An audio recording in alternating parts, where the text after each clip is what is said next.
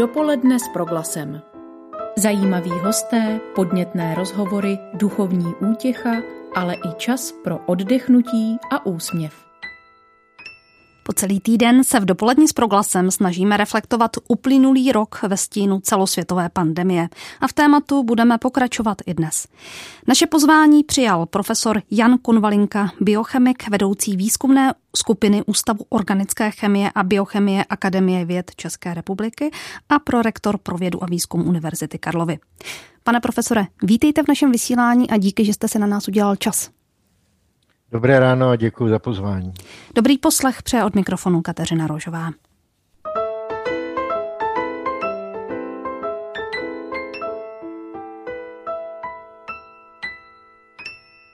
Tak pane profesore, rok se s rokem sešel, situace stále dobrá není. Tak mě napadá, zda vás jako odborníka před rokem napadlo, čím vším si můžeme projít, jakou podobu to bude mít.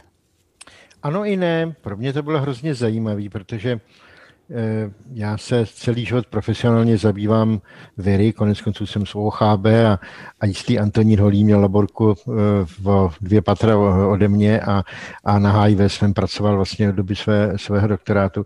Eh, s kolegou Machalou jsme napsali před lety jako knížku o, o virech, kde jsme dokonce i predikovali, že přijde veliká virová epidemie, pandemie a koronavirus byl jeden z podezřelých, o kterých jsme tam psali.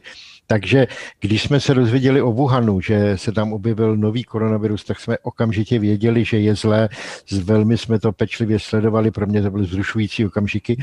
Takže v tomhle smyslu ano, věděl jsem, že se něco děje, byl jsem si jist, že to je e, velmi závažná věc.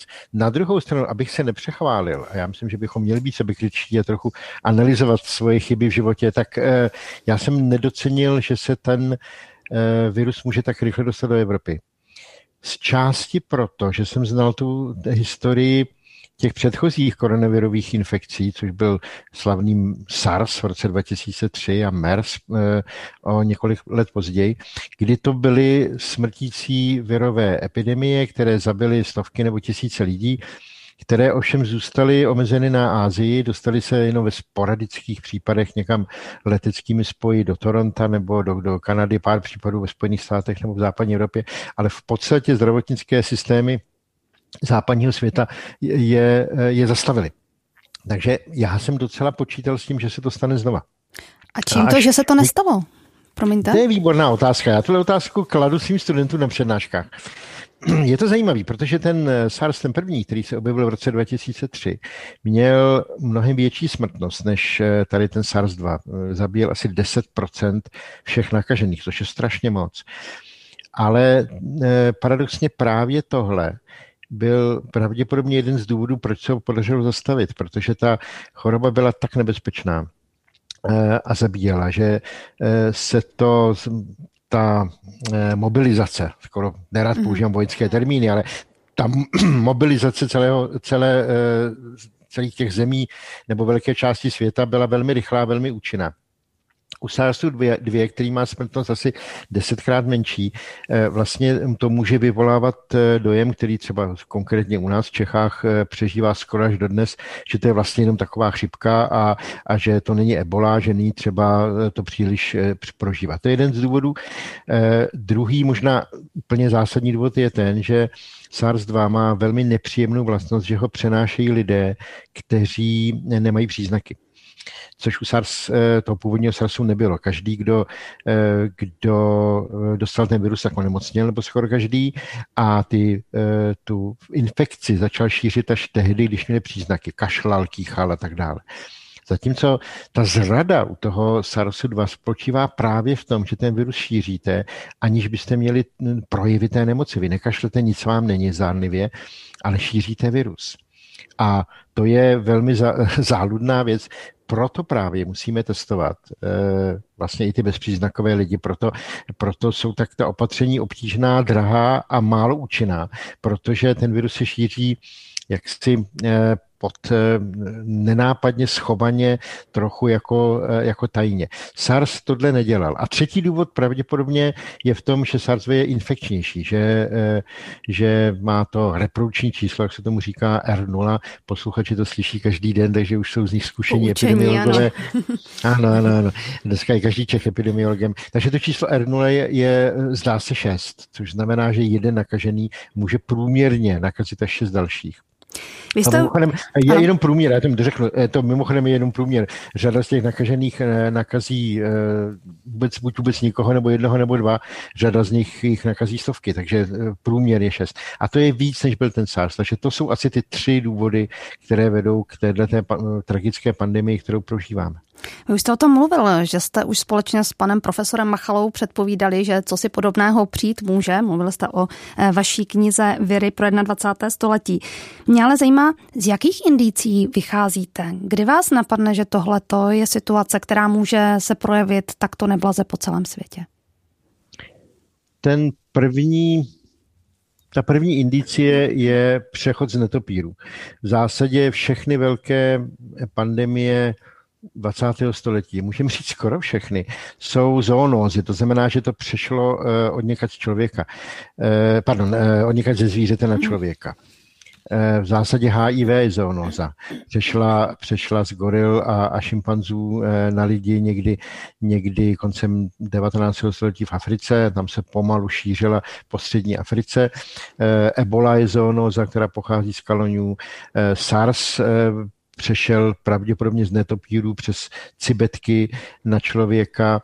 Eh, MERS eh, přešel pravděpodobně z netopírů přes, eh, přes velbloudy na člověka.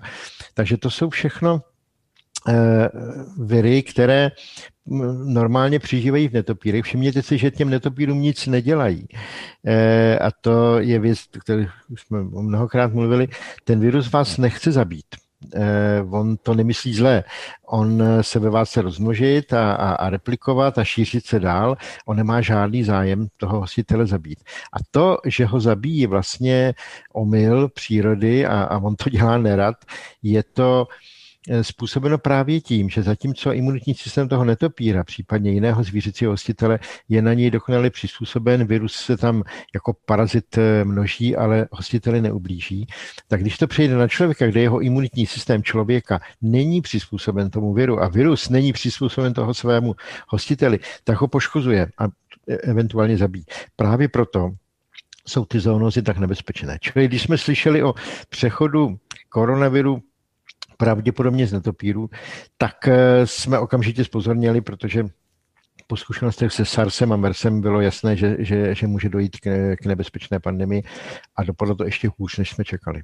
Pane profesore, jaká je vaše odpověď na otázku, kde to všechno začalo a jak? Protože víme, že těch spekulací o tom, zda to je laboratorní věr, není a tak dále, je řada. K čemu se přikláníte vy dnes? Já myslím, že poctivé, abychom říkali nevím, když nevíme. A uh, trochu bych vyčetl řadě mých kolegů, že to, že to nedělají. My spoustu věcí nevíme a měli bychom to přiznat, protože spoustu věcí zase víme, takže není za co se stydět. Takže úplně korektní, naprosto správná odpověď na vaši otázku je, že nevíme, nemůžeme si být jisti. Ale už před chvilkou jsem vyjmenoval všechny ty velké pandemie, o kterých si jsme naprosto jistí, jak vznikly a všechny z nich vznikly přenosem ze zvířata. Není vůbec žádná ani podivnost, ani, ani by nebylo překvapivé, naopak i nejpravděpodobnější, že opravdu ten eh, virus eh, vznikl, nebo ta pandemie se eh, vznikla tak, že se virus přenesl z netopíra na člověka. Jak přesně se to stalo, to v tuhle chvíli ještě nevíme. Jedním z důvodů je, že Čínská republika se brání velmi přesnému vysledování toho vzniku toho viru. Já bych si troufal tvrdit, že jsme si skoro naprosto jistí, že ten virus nevznikl uměle v laboratoři. Mm-hmm. Ne, nic není, neexistuje žádný důkaz, který by, který by nás navedl na to, že ten virus někdo eh, nasyntetizoval v laboratoři, eh, připravil uměle za nějakým zlým úmyslem. To bychom velmi pravděpodobně na té sekvenci viděli a, a já znám jediného člověka, který tvrdí, že to tam vidí a to je jedna, jedna viroložka z Prahy, jejíž jméno ani nebudu říkat, ale jinak eh, tenhle ten názor nemá žádné, žádné opodstatnění. Co si nemůžeme být jistí, a tady určitá možnost existuje, když mě ani ta nepřipadá nějak přesvědčivá, je, že někdo třeba ve Wuhanu v laboratoři zkoumal přirozeně se vyskytující mhm. netopíří virus eh, v nějakých tkáňových kulturách a mohlo to utéct z té laboratoře, nakazit to někoho a pak se to rozšířit. To se dá obtížně prokázat nebo vyvrátit. Šlo by to jedině tehdy, kdyby nám čínské úřady dovolily vysledovat opravdu všechny ty pacienty z podzimka loňského roku, podívat se na jejich vzorky, podívat se na sekvenci toho viru a srovnat to s těmi laboratorními viry, které tom, v tom Wuhanu údajně mají. Pak bychom to bez pochyby poznali, ale to nám čínské úřady se nedovolí. Takže tohle to asi nemůžeme rozhodnout. Já bych teda skoro řekl, že to je jedno mezi námi, mm-hmm. ale ale bylo by to zajímavé zjistit, ale e, že to je netopíří virus, který možná prostřednictvím ještě nějakého dalšího přenašeče nakonec skončil v člověku, jako u MERSu to byl ten, e, jsou, to byly ty velbloudi, u u SARS-2 to může být eh, legrační zvířátko zvané pangolín, což je takový malý obrněnec, který eh, se prodává na, jeho východ, eh, na, na trzích v jeho východní Asii. To je, to je nejpravdě, nejpravděpodobnější vysvětlení. No, očekáváte, že světlo v tomto smyslu může přinést ta návštěva delegace Světové zdravotnické organizace v Číně, nebo už je pozdě na to, aby se něco zjistilo opravdu podrobně a konkrétně? Já myslím, že pozdě není, ale potřebovali bychom spolupráci čínských úřadů a, a které se nám nedostává. Takže já se obávám, že ta vyšetřovací komise nic nezjistí a všechno, všechno proto svědčí. Ještě se zeptám, jestli podle vás jako odborníka se tento virus chová nějak nestandardně, nebo naopak, zda to je vlastně běžné chování viru, to, co vidíte a vnímáte není to nestandardní, ale je to velmi nešťastná kombinace z hlediska člověka, teda pro ten virus je to naopak velmi šťastná kombinace, protože eh, se šíří dobře. Je to velmi nešťastná kombinace vysoké infektivity, eh, skutečnosti, že ten virus šíří i lidé, kteří nemají příznaky, takže to na nich není vidět. A eh, té smrtnosti, která je, a já už jsem to řekl párkrát, to zopakuju to, ona je opravdu někde mezi banalitou a tragédií. Mm-hmm. Kdyby ta smrtnost byla pětkrát menší, tak je to opravdu chřipka. E, nebylo by to nic příjemného, byla by to nepříjemná velká epidemie, ale nezastavili bychom svět a, děti by chodili do školy.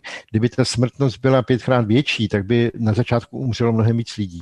Ale vedlo by to k tomu, že by všechny státy světa zareagovaly naprosto dramaticky a naprosto e, tvrdě velmi velmi brzo a tím pádem by se taky ta pandemie nerozšířila a umřelo by mnohem méně lidí. Tady ta, eh, tady ta kombinace těch vlastností je skutečně až ďábelská, bych skoro řekl, že to v rádiu progres může říct tohle slovo. A eh, je, vede k tomu, co tady vidíme, že vlastně relativně málo smrtný virus. Eh, opravdu to není ani Ebola, ani, ani SARS dokonce. Skutečně zastavil planetu tak, jak jsme ji znali a, a způsobil obrovské škody nejenom tedy a ty jsou primární na, na lidských životech, ale také na, na, na životě, jak, jak, jak jsme ho žili a sebral nám, řadě z nás, sebral mnoho měsíců nebo rok života. Pane profesore, zkuste nám lajkům vysvětlit. Eh, to soužití lidí a zvířat je dlouhodobé. Co se tedy přesně stane, že dojde k přechodu viru na člověka a má to takovéto účinky? No se to dělo vždycky, ale svět se změnil v tom smyslu, že jednak jsme se dostali do oblastí, které dřív eh, měly ta zvířata pro sebe. A eh, lidé se jim do toho zase tolik nepletli. Teď mluvím o střední Africe a, a viru HIV. To byly eh, oblasti, které byly izolované.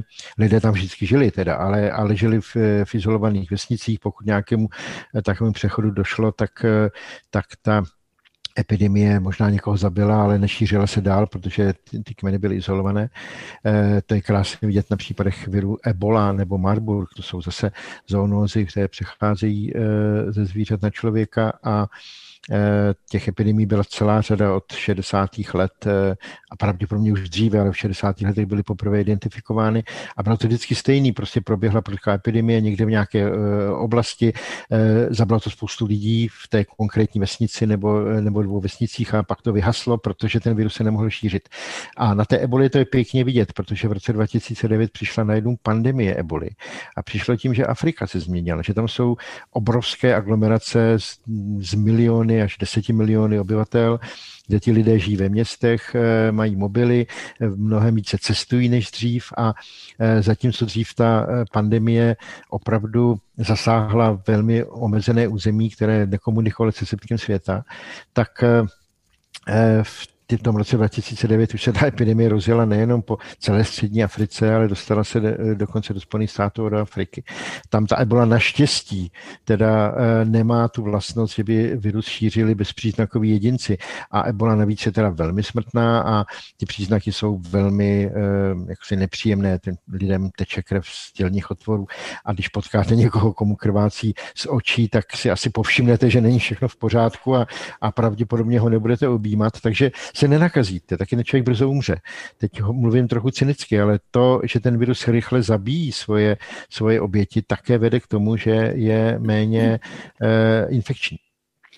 Takže já to na příkladu eboli vykládám to, co se vlastně tady stalo. Vznikly v dříve naprosto nedostupných uh, Eh, území, které byly ponechány zvířatům. My jsme jim do toho jejich světa pronikli, eh, žijou, žijí tam miliony nebo miliony lidí a tím pádem ty patogeny ze zvířat přechází mnohem častěji na člověka. A druhá věc, co se stala, je, že žijeme v globálním světě. Já osobně si to ohromně užívám a já myslím, že to je dobře, ale vezměte si, že teď, se dneska teda ne, ale řekněme na jaře loňského roku nebo, nebo před rokem, když jste se prošla po Václavské náměstí, tak se s největší pravděpodobností během té půlhodinové procházky potkala víc lidí, než váš e, dědeček na vesnici potkal za celý život. Nepřeháním. Vy můžete na Václaváku potkat 10 tisíc lidí. 10 tisíc lidí je ohromné hmm. číslo a, a, a průměrná česká vesnice nemá ani desetinu. Takže za prvé potkáte spoustu lidí, za druhé skoro s jistotou tam potkáte lidi, kteří snídali v Šangaji anebo budou večeřet v New Yorku.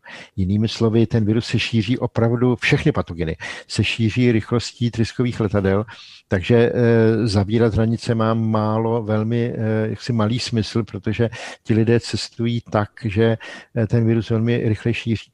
To je samozřejmě to vede k velkému rychlému rozšíření těch případných patogenů. Současně je to, je to taky jaksi výhoda, protože svět je propojený a my můžeme reagovat eh, společně, což teď třeba na případě těch vakcín eh, vidíme, že, že tady zase to, to mezinárodní úsilí je, je ohromně užitečné a dává nám nástroje, které bychom dříve neměli ale eh, velký, eh, jaksi velké dobrodění globalizace, já tam vidím primárně to dobrodění, které si užíváme, tak taky sebou nese velká rizika, se kterými se musíme naučit eh, nějak pracovat.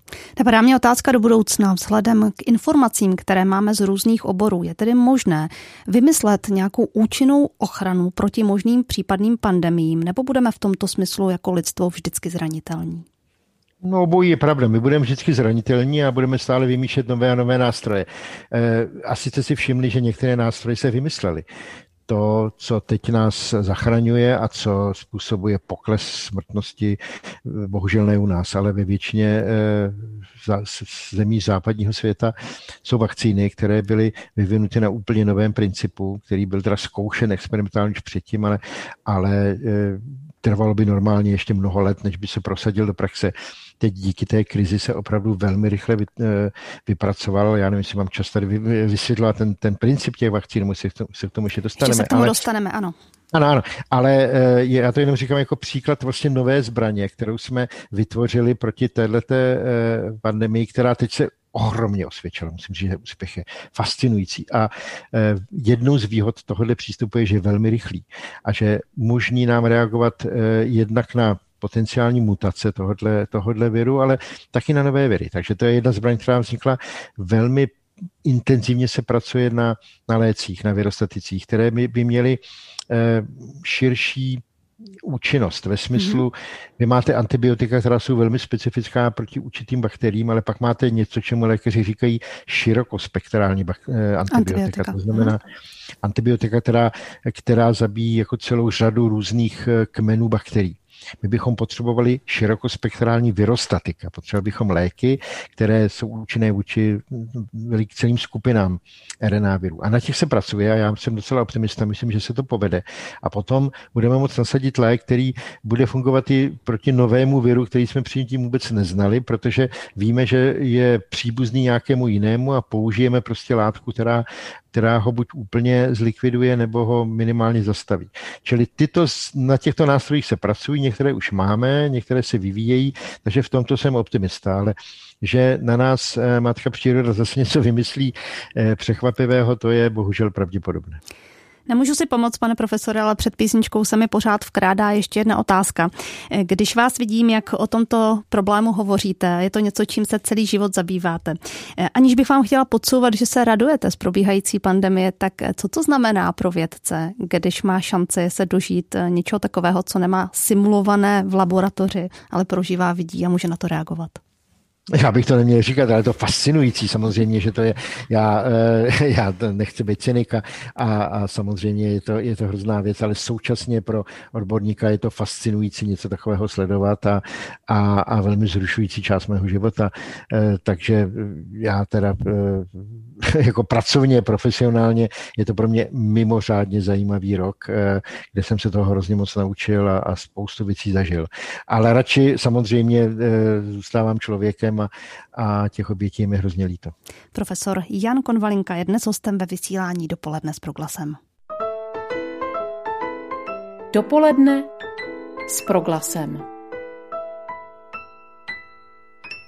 Posloucháte dopoledne s proglasem, ve kterém je dnes naším hostem vedoucí výzkumné skupiny Ústavu organické chemie a biochemie Akademie věd České republiky, pan profesor Jan Konvalinka.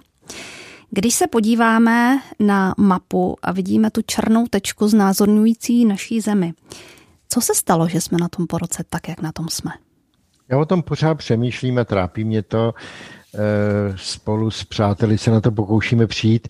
Máme mm, asi 15 eh, různých vysvětlení, některé se zřejmě vyvracejí. A já myslím, že tohle je věc, kterou bychom měli eh, opravdu, ale s klidem a bez nějakého, bez soudních tribunálů a bez, bez osočování, ale opravdu bychom ji měli dobře promyslet, protože to, co se stalo, a teď já se snažím být optimista a, a nešířit paniku a, a spíš ukazovat to světlo na konci tunelu, které tam je, přátelé. Ukazovat, naděje, ukazovat tam naději, ukazovat tam, že to dobře dopadne. Ale Eh, je zase třeba si nebarvit situaci na, na, na růžovo. My máme eh, největší počet eh, obětí na COVID na celém světě. Když zapomeneme na, myslím, Gibraltar a San Marino, což jsou malé státečky, kde ta čísla nedávají smysl. Vůbec nejvíc na světě, což je, což je tragédie. To se prostě nemělo stát a nemuselo se to stát. Často se to spochybňuje, bohužel eh, i eh, ještě donedávna, teď už to myslím nedělají, ale ještě donedávna úředníci ministerstva zdravotnictví eh, spochybňovali ta čísla a říkali, že to jsou diagnózy, které jsou nás přísnější než jinde a že se tam počítají i lidé, kteří třeba zemřeli při autonehodě nebo spadli ze žebříku. To jsou bohužel nesmysly 呃 loni při autonehodách zemřelo tuším 434 lidí. I kdyby všichni z nich byli eh, omylem připsáni covidu, tak eh, na covid zemřelo loni 17 tisíc lidí, to by nehrálo roli, ale navíc to není pravda. Eh, s největší pravděpodobností ani jeden, možná jeden z těch lidí byl možná špatně přepsán jako covidový pacient, ale to není důležité, tady nejsou důležité diagnózy. Důležité jsou, jsou velmi přesná data Českého statistického úřadu, která, jak demografie demografové z Přírodovědecké fakulty jasně ukázali, eh, jak si stoprocentně jasně ukazují, že zemřelo o 17 tisíc lidí více, než mělo v roce 2020. Skoro všichni zemřeli během několika týdnů na konci října a potom na konci prosince, což je přesně ta doba, kdy vrcholila pandemie tak, jak ji sledujeme pomocí testů PCR a tak, jak ostatně vidíme v těch nemocnicích. Ty lidi nezemřeli při autonehodách, ty lidi nezem, neuklouzli po banánové slupce, ty zabil ten virus. A je to, je to třeba jednoznačně říkat a, a přestat to relativizovat. Je to největší nárůst úmrtnosti od druhé světové války za posledních 70 let. To je prostě velmi dramatické číslo. Ještě jednou, prostě je třeba tohle si přiznat a a hlavně proto, že ono to pokračuje. Od, od, od ledna tohoto roku umřelo dalších pravděpodobně 7 tisíc lidí v souvislosti s covidem a teď nám to, teď nám to narůstá. Poslední čísla, která vždycky v 8 ráno ukazuje uh, ÚZIS a já se vždycky teda trochu psychologicky připravuju, než se na to kouknu, tak uh, ta čísla jsou ještě nedopočítaná a ono ve skutečnosti těch lidí bude víc. To vypadá na 200 lidí denně, kteří umírají na, na ten virus každý den, to znamená 1500 týdně. To jsou, to jsou veliká čísla kdyby tady běhala teroristická jednotka, která by zabíhala 100 nebo 200 lidí denně, tak, tak eh, taky máme nouzový stav a, a, a nějak bychom na to reagovali. My jsme se na to trochu zvykli. Tak a teď k tomu, eh, takže teď jsem popsal, jako, že ta situace ano. opravdu není dobrá a je třeba si to přiznat a začínám se zlobit na lidi, kteří, kteří to spochybňují, protože teď už, je to, eh, teď už je to na hranici cynismu tohle spochybňovat. To za prvé. Za druhé, čím to je? Já si myslím, že ti příčiny hodně. Jedna z nich paradoxně je náš úspěch z jara loňského roku, kde opravdu eh, já musím pochválit eh, eh, profesora Primulu a pár dalších lidí, pana Řeháka, to je ten slavný legendární muž, který přišel se excelovskou tabulkou za panem premiérem, ale vlastně i vládu, pojďme jim dát kredit, která opravdu dupla na brzdu v okamžiku, kdy to vůbec nebylo samozřejmé. Odborníci už věděli, ale, ale spousta lidí nevěděla. Naše vláda zastavila tu zemi a spustila to opatření a bylo to nepopulární, vzpomeňte si na to, na ty diskuze. V době, kdy řada evropských zemí ještě váhala a díky tomu jsme se vyhnuli, vlastně my skoro žádné oběti z jara nemáme. Máme několik desítek obětí, které můžeme připsat covidu, ale vlastně velmi málo. A e, zázračně se to povedlo. Skvělý výsledek. Bohužel to vedlo k tomu, že my jsme neměli ten zážitek, který měli eh, lidé v Belgii a, a ve Španělsku a, a v Londýně a v New Yorku z těch opravdu hekatom mrtvých. Takže se tady rozšířila myšlenka mezi částí veřejnosti a dokonce i mezi částí odborné veřejnosti, že to opatření bylo příliš tvrdá, že to bylo zbytečné, vidíte, nic se nestalo. To je takový paradox, který popisují eh, pojišťovací agenti anebo eh, lidé, kteří dělají pojistnou matematiku vy, když děláte nějaká bezpečnostní opatření a ona, ona zafungují, tak vy ztrácíte víru v to, že byla zapotřebí. Vy si myslíte, že to bylo zbytečné. Eh, když budete celý život platit pojistku proti vyhoření a budete přitom uklízet popel pěkně a starat se o komín a, a dávat si pozor na děti se zápalkama a nevyhoříte, tak můžete dojít názoru, že ty peníze za to pojištění jsou zbytečný a že, že děláte s těma zápalkama jako zbytečný, eh, zbytečný rozruch, že vlastně o nic nejde. Ale pak, když vyhoříte, tak zjistíte, že to nebyla pravda. Čili my jsme nevyhořeli na jaře a začali jsme si trochu hrát s ohněm. To je jedno vysvětlení. Druhé vysvětlení je, a tady zase, jak jsem vládu chválil, tak eh, je docela na tom průběhu infekce, epidemie a bohužel i na průběhu eh, z toho umírání vidět velmi jasně některá rozhodnutí vlády. Víte, ten virus je po celém světě, eh, nikdo za něj nemůže, dokonce asi ani česká vláda za něj nemůže, jak jsme si řekli před chvilkou. Nicméně různé země reagovaly různě, eh, epidemie u nich různě probíhala a tam je jednoznačně vidět velmi často rozhodnutí vlády. A tady to vidíme velmi jasně na té podzimní vlně, která přišla v celé Evropě.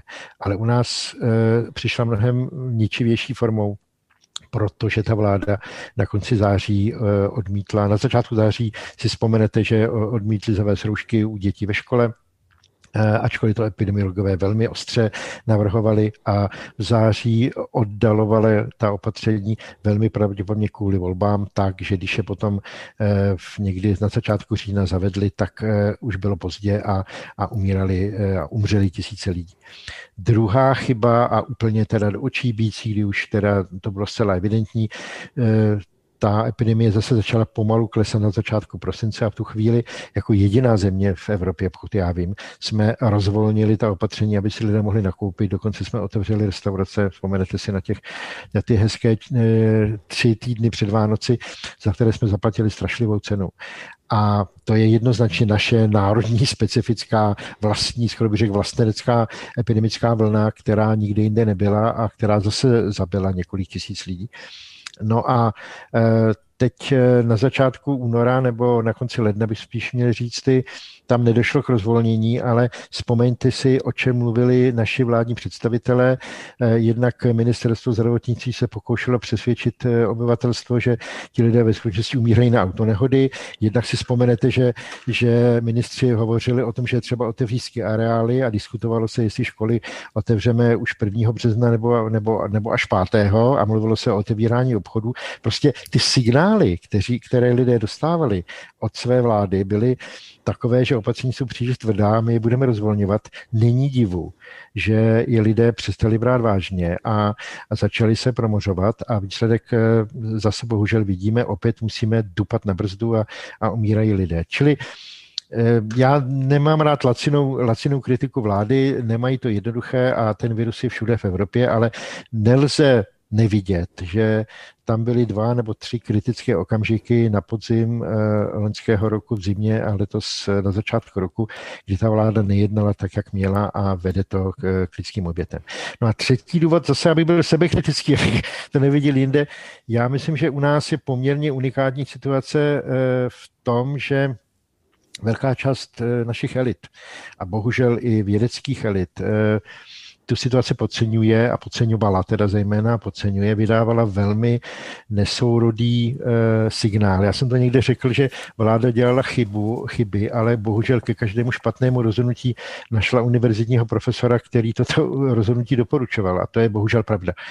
E, jak sleduju situaci v Německu a, a v západní Evropě, tak tam je ten postoj těch, řekněme, odborných eh, elit lékařských a, a vědeckých mnohem jednotnější. Takže, takže celkem není pochyb o tom, co ti odborníci radí. Uh, ono to má spoustu příčin, můžeme o tom mluvit dlouze, ale buďme sebekritičtí. Uh, řada z významných českých vědců a akademiků uh, radila věci, které se později ukázaly jako, jako tragicky špatné. No a myslíte, že jsme schopni se do budoucna poučit na základě tady těchto třech věcí, které jste rozklíčoval?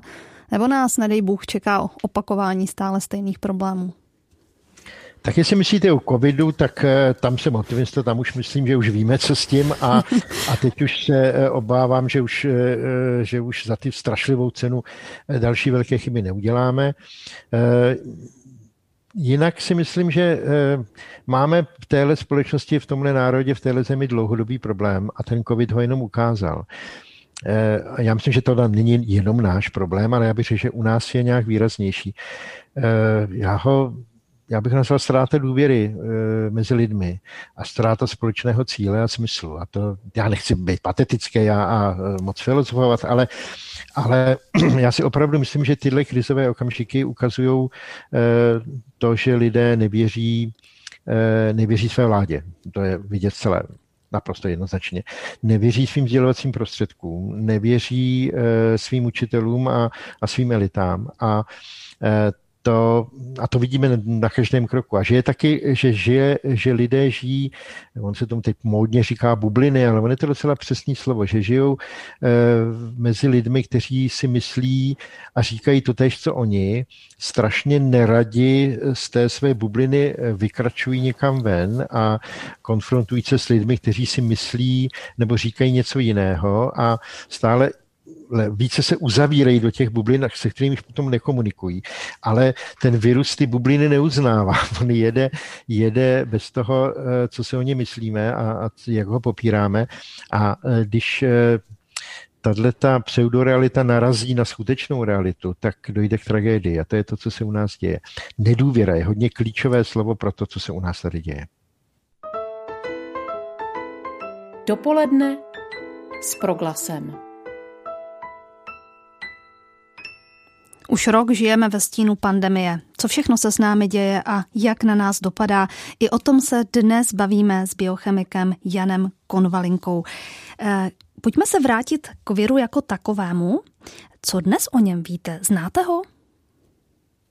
Skoro úplně všechno. Já bych řekl, že to je jedna z nejproskoumanějších organismů na této planetě. Eh, je to RNA virus, eh, to znamená, že jeho genetická informace je molekula, které říkáme ribonukleová kyselina. My je umíme sekvenovat, to znamená, že umíme přesně učit strukturu té genetické informace. Dneska se to učí děti páté třídě, takže to asi nemusím vysvětlovat. Eh, už od pánů Vocna s Krikem z 50. let víme, že ta genetická informace se ukládá do takového jakoby počítačového programu, který má čtyři písmena a ty písmena jsou chemické sloučení, které se řadí do řetězce té nukleové kyseliny a vlastně rozhodují o tom, jaké, jak, budou, jak vypadají geny, které eh, si předává ten organismus, včetně toho viru a jaké proteiny potom vytváří. To vlastně opravdu program, který vytváří proteiny. A my ten program detailně známe. Známe všech 30 tisíc písmen toho kódu, eh, to znamená sekvence páru bází toho viru. Eh, máme ho sekvenovaný na desítkách tisíc pacientů. Z toho pacienta umíme vyizolovat ten virus a pak ho znovu eh, ocharakterizovat. Takže my známe nejenom všechny, všechnu jeho kompletní RNA sekvenci, známe všechny proteiny, ze kterých se skládá, známe všechny jejich 3D struktury. To je úplně fantastická věc. My máme přesnou elektronovou strukturu všech jednotlivých molekul, ze kterých se skládá ten virus. A víme velké detaily o tom, jakým způsobem eh, funguje v buňkách, jak se množí, na jaké molekuly se váže a jak to dělá, že, že replikuje, že se množí. Že víme o něm opravdu skoro všechno.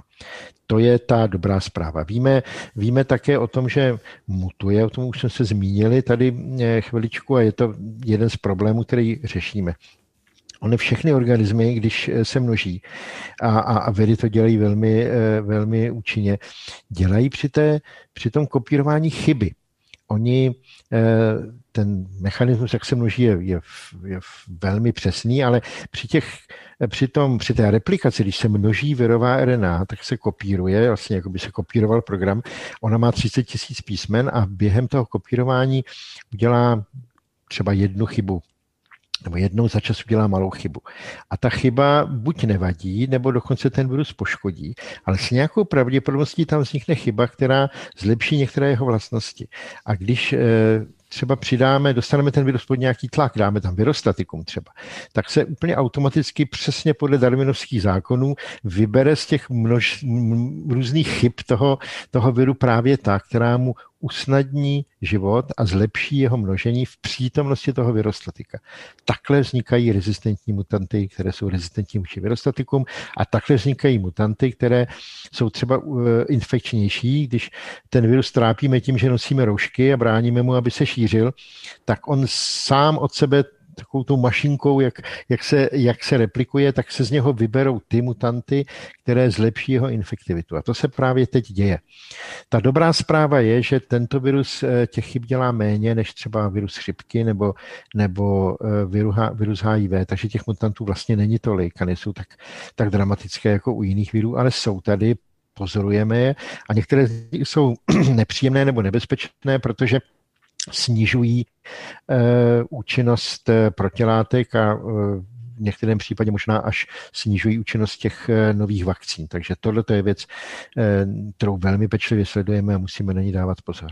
Dá se předpokládat vzhledem k počtu nemocných u nás, že do budoucna můžeme hovořit třeba i o nějaké české mutaci toho viru? Už ji máme hrdě, už jsme, už jsme ji ohlásili. Šíří se tady nejméně od podzimku. Eh, má některé vlastnosti společné s tou britskou mutací. Zdá se, že je malinko infekčnější než ta původní, ale jinak si myslím, že není nebezpečnější. Takže ono se dokonce už o ní mluví jako české mutaci. Ten termín přišel poprvé eh, z práce kolegů v Tajsku, což zase ukazuje, jak, je ten svět globální a, pro, a propojený ale ta zdá se, že není ta nebezpečná. Ta, která je opravdu nebezpečná, je Eh, je ta britská, protože je mnohem infekčnější a pořád se teda eh, odborníci dohadují, jestli způsobuje horší průběh choroby eh, než ta původní nebo ne. Teď to začíná vypadat, že ano.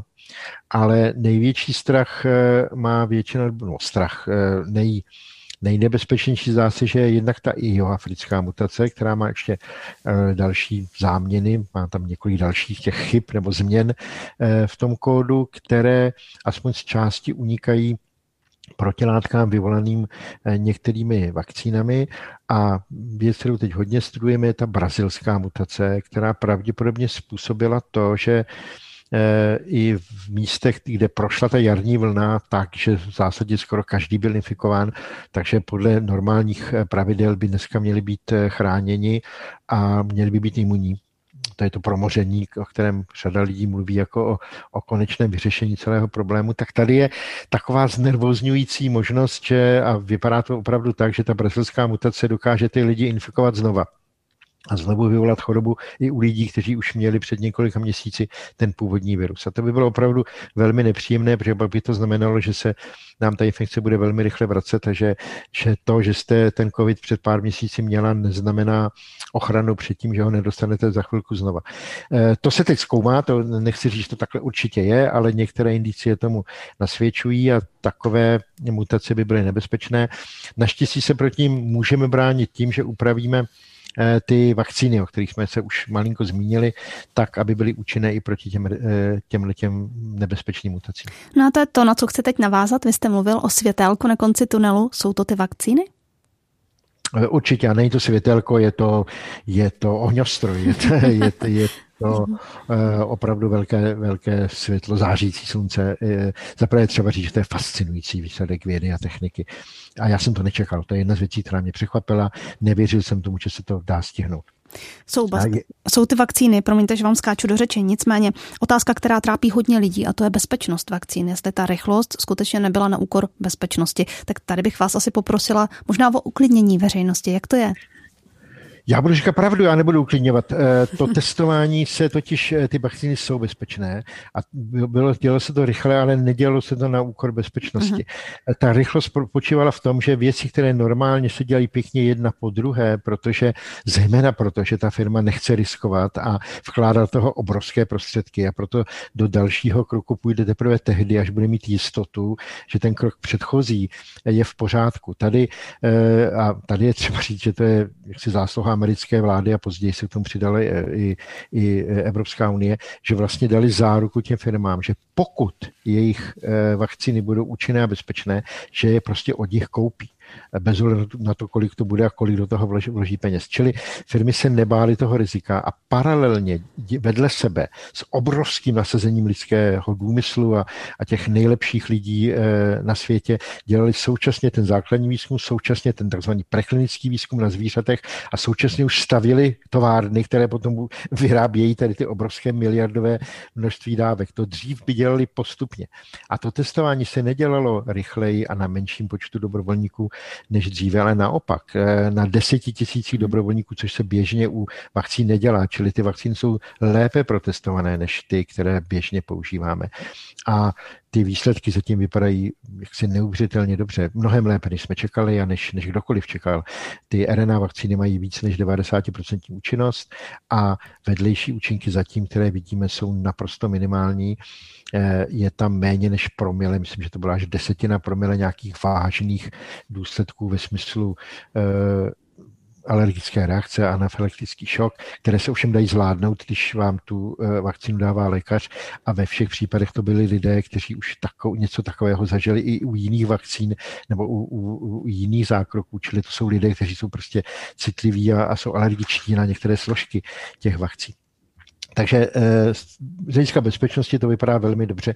Často se mluví o dlouhodobých následcích toho očkování, to my samozřejmě nemůžeme vědět po roce, ale je extrémně nepravděpodobné, že by k něčemu takovému došlo a, a hlavně bych řekl, že eh, pokud by byly ty dlouhodobé následky, tak ten virus je má docela určitě a mnohem závažnější. A teď to vypadá tak, že si opravdu musíme vybrat jestli chceme očkování, nebo ten virus.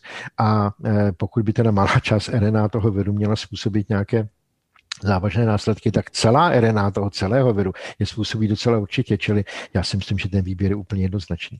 Čili očkování je obrovský úspěch a další úspěch je to, že ta nová technologie vlastně umožní velmi rychle, já jsem jednou řekl, že přes odpoledne a myslím si, že na to můžu trvat, přeprogramovat tu RNA, která se používá pro to očkování, na RNA, která bude odpovídat novým mutantním kmenům a okamžitě takovou vakcínu začít vyrábět. Čili my můžeme velmi rychle rychle reagovat a připravovat nové vakcíny, což by znamenalo nové očkování. Případně můžeme eh, dělat, a o tom se také uvažuje, takzvané boostování, to znamená s tou samou vakcínou, kterou jste dostala už eh, třeba v prosinci loňského roku, tak za několik měsíců dá další injekci, která zvýší zase tu imunitní odpověď organismu. Ale ještě bych řekl, my si nejsme jistí, že to bude nutné, protože ty znervozující zprávy o tom, že ty nové mutace odpovídají jsou méně citlivé vůči protilátkám, eh, neznamenají nutně, že ti očkovaní lidé eh, nebudou imunní vůči tomu viru, protože ten imunitní systém je složitá věc a ta imunitní odpověď má mnoho různých stupňů. Protilátky jsou jenom jedna z nich. Asi důležitější je buněčná odpověď, kterou také to očkování vyvolává a je docela pravděpodobné, že ta buněčná odpověď bude stále dost účinná na to, aby zabránila vážné, vážnému rozhodnutí choroby nebo hospitalizaci. Takže to by vlastně úplně stačilo. Tohle to ještě nevíme. To očkování neprobíhá dost dlouho a naštěstí ty mutace nejsou dost rozšířené na to, abychom věděli, eh, jestli bude nutná nějaká změna té očkovací strategie. Teď se nicméně bavíme o vakcínách schválených Evropskou lékovou agenturou. Pak jsou to ale ještě vakcíny, jako je například eh, ruský Sputnik, které toto potřebné schválení nemají. Jak se díváte na jejich možné použití? O tom se hodně mluví a já bych tady řekl, že nesmíme eh, do toho zatahovat politiku a nesmíme být ideologičtí. Ta vakcína je eh, vytvořena vynikajícími věci, její princip je podobný vakcínám, které dělali kolegové na Oxfordu, ta, ta AstraZeneca Oxford. Čili já vůbec nepochybuji o tom, že ta vakcína je správně připravená a bude, bude účinná. O čem pochybuju, je způsob, jak byla schválena. Ona byla schválena dokonce jako vůbec první, když mluvím o tom Sputniku už v září v době, kdy ještě neproběhly ani klinické testy druhého, eh, druhého stupně. A eh, o čem také pochybuju, je schopnost eh, ruských firm dlouhodobě dodržovat kvalitu výroby. Něco takového musí zkontrolovat velmi silný a zkušený regulační orgán, jako je americká FDA nebo evropská EMA, protože má jednak autoritu a jednak možnosti to zkontrolovat. Tam nejde jenom ověřit ty klinické testy, to se asi dá udělat, to bychom mohli udělat i my. Tam jde o tom ověřit správnou laboratorní praxi těch výrobních závodů v Rusku, eh, ověřit to, že budou skutečně schopny tu vakcínu dodávat dlouhodobě ve stále stejné kvalitě. A to asi úředníci Českého ministerstva zdravotnictví nedokážou, už protože nemají tu autoritu eh, v Rusku. Čili já bych eh, jak u té ruské, tak u té čínské vakcíny rozhodně trval na schválení Evropskou lékovou agenturou. A musím říct, že mi to znervozňuje znervozňuje, že Rusko vlastně nejenom, že o to nepožádalo, o, o, o to schválení, ale dokonce e, ruské různé Eh, agentury opakovaně mlžili v téhle věci, skoro bych řekl, že lhali, že ta informace o tom, že Rusko požádalo o to schválení, proběhla mm-hmm. hned několikrát v prosinci, v lednu i v únoru. A nikdy to nebyla pravda. Mm. A dokonce mě to zmátlo, já už jsem opakovaně říkal, že to Rusové požádali, ale nebyla to pravda.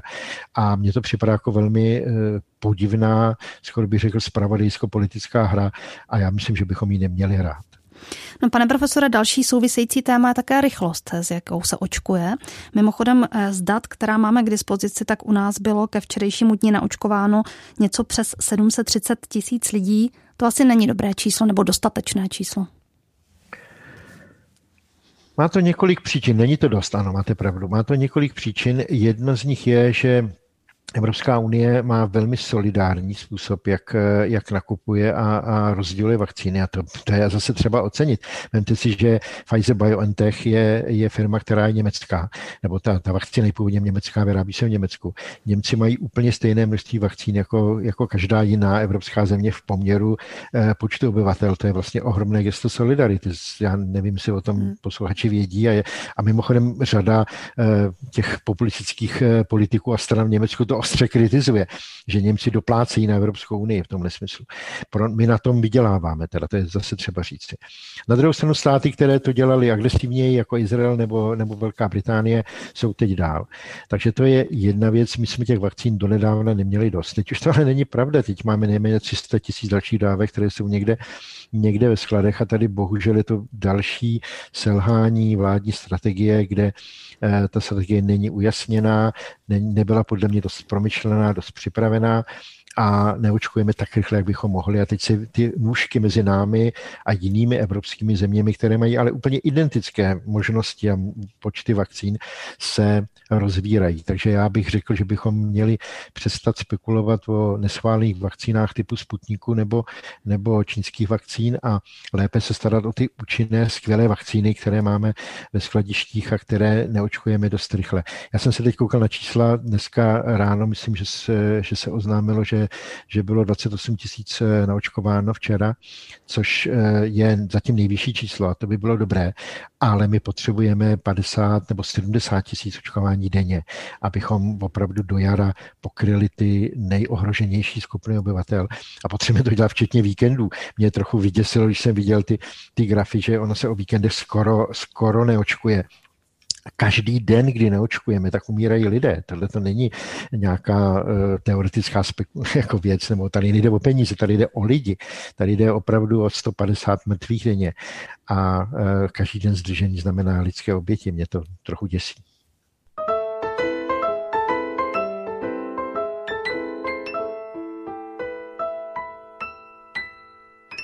Blížíme se k závěru našeho povídání, tak se chci zeptat, jestli si myslíte, že současná situace může pro náš život přinést taky něco pozitivního. Třeba zájem o vědu, nebo třeba větší sounáležitost mezi námi, třeba uvědomění si toho, v čem žijeme, jak vypadá naše situace. Zkrátka, viděl byste i nějaká pozitiva? Ještě loni v létě bych byl mnohem optimističtější. To, co jsme zažívali, byla obrovská vlna solidarity a, a důvěry ve vědu a také, když mluvím jako vědec, a důvěry ve vzdělání, eh, důvěry v to, že eh, poznat a vědět je důležité, že, že eh, práce a vědění je naše spasení. Teď to vypadá mnohem rozpačitěji, společnost je trochu rozložená.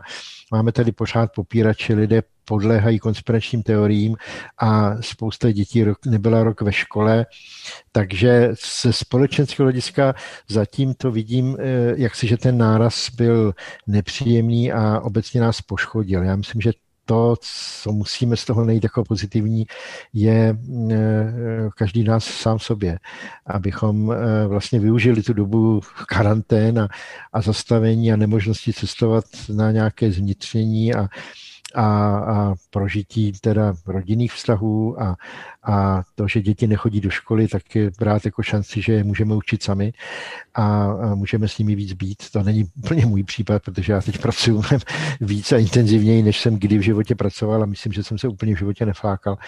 Ale uh, pojďme to brát jako každý svoji osobní výzvu, co z téhle krize můžeme vzít a hlavně si uvědomit, že nakonec eh, i ty nejhorší věci můžeme zvládnout, pokud se do toho pustíme eh, a že nakonec lidská vynálezovost a, a, a vědění eh, nakonec zvládnou i ten zatracený virus. No, poslední otázka na závěr. Máte představu, kdy tohle to všechno skončí? Mám. Já si myslím, že, že na konci jara eh, budeme z nejhoršího venku. Teď ta čísla a všechna ta situace vypadá velmi špatně, ale já bych řekl, že to je taková ten, ta, ta temná hodina těsně před, před úsvitem. Já jsem přesvědčen, že tímhle to končí eh, očkování a bohužel i ta promořenost nakonec a jaro a sluníčko. To všechno v kombinaci způsobí, že, že další vlna už nebude a z toho nejhor, nejhoršího budeme venku. Tak toto říká profesor Jan Konvalinka, který byl dnes hostem ve vysílání dopoledne s proglasem a já vám ještě jednou děkuji za čas, který jste nám věnoval a budu se někdy příště opět těšit na slyšenou. Děkuji za pozvání. Vám všem přeje pěkný den a pevné zdraví Kateřina Rožová. Dopoledne s proglasem. Každý všední den mezi devátou a desátou jsme v tom s vámi už 25 let.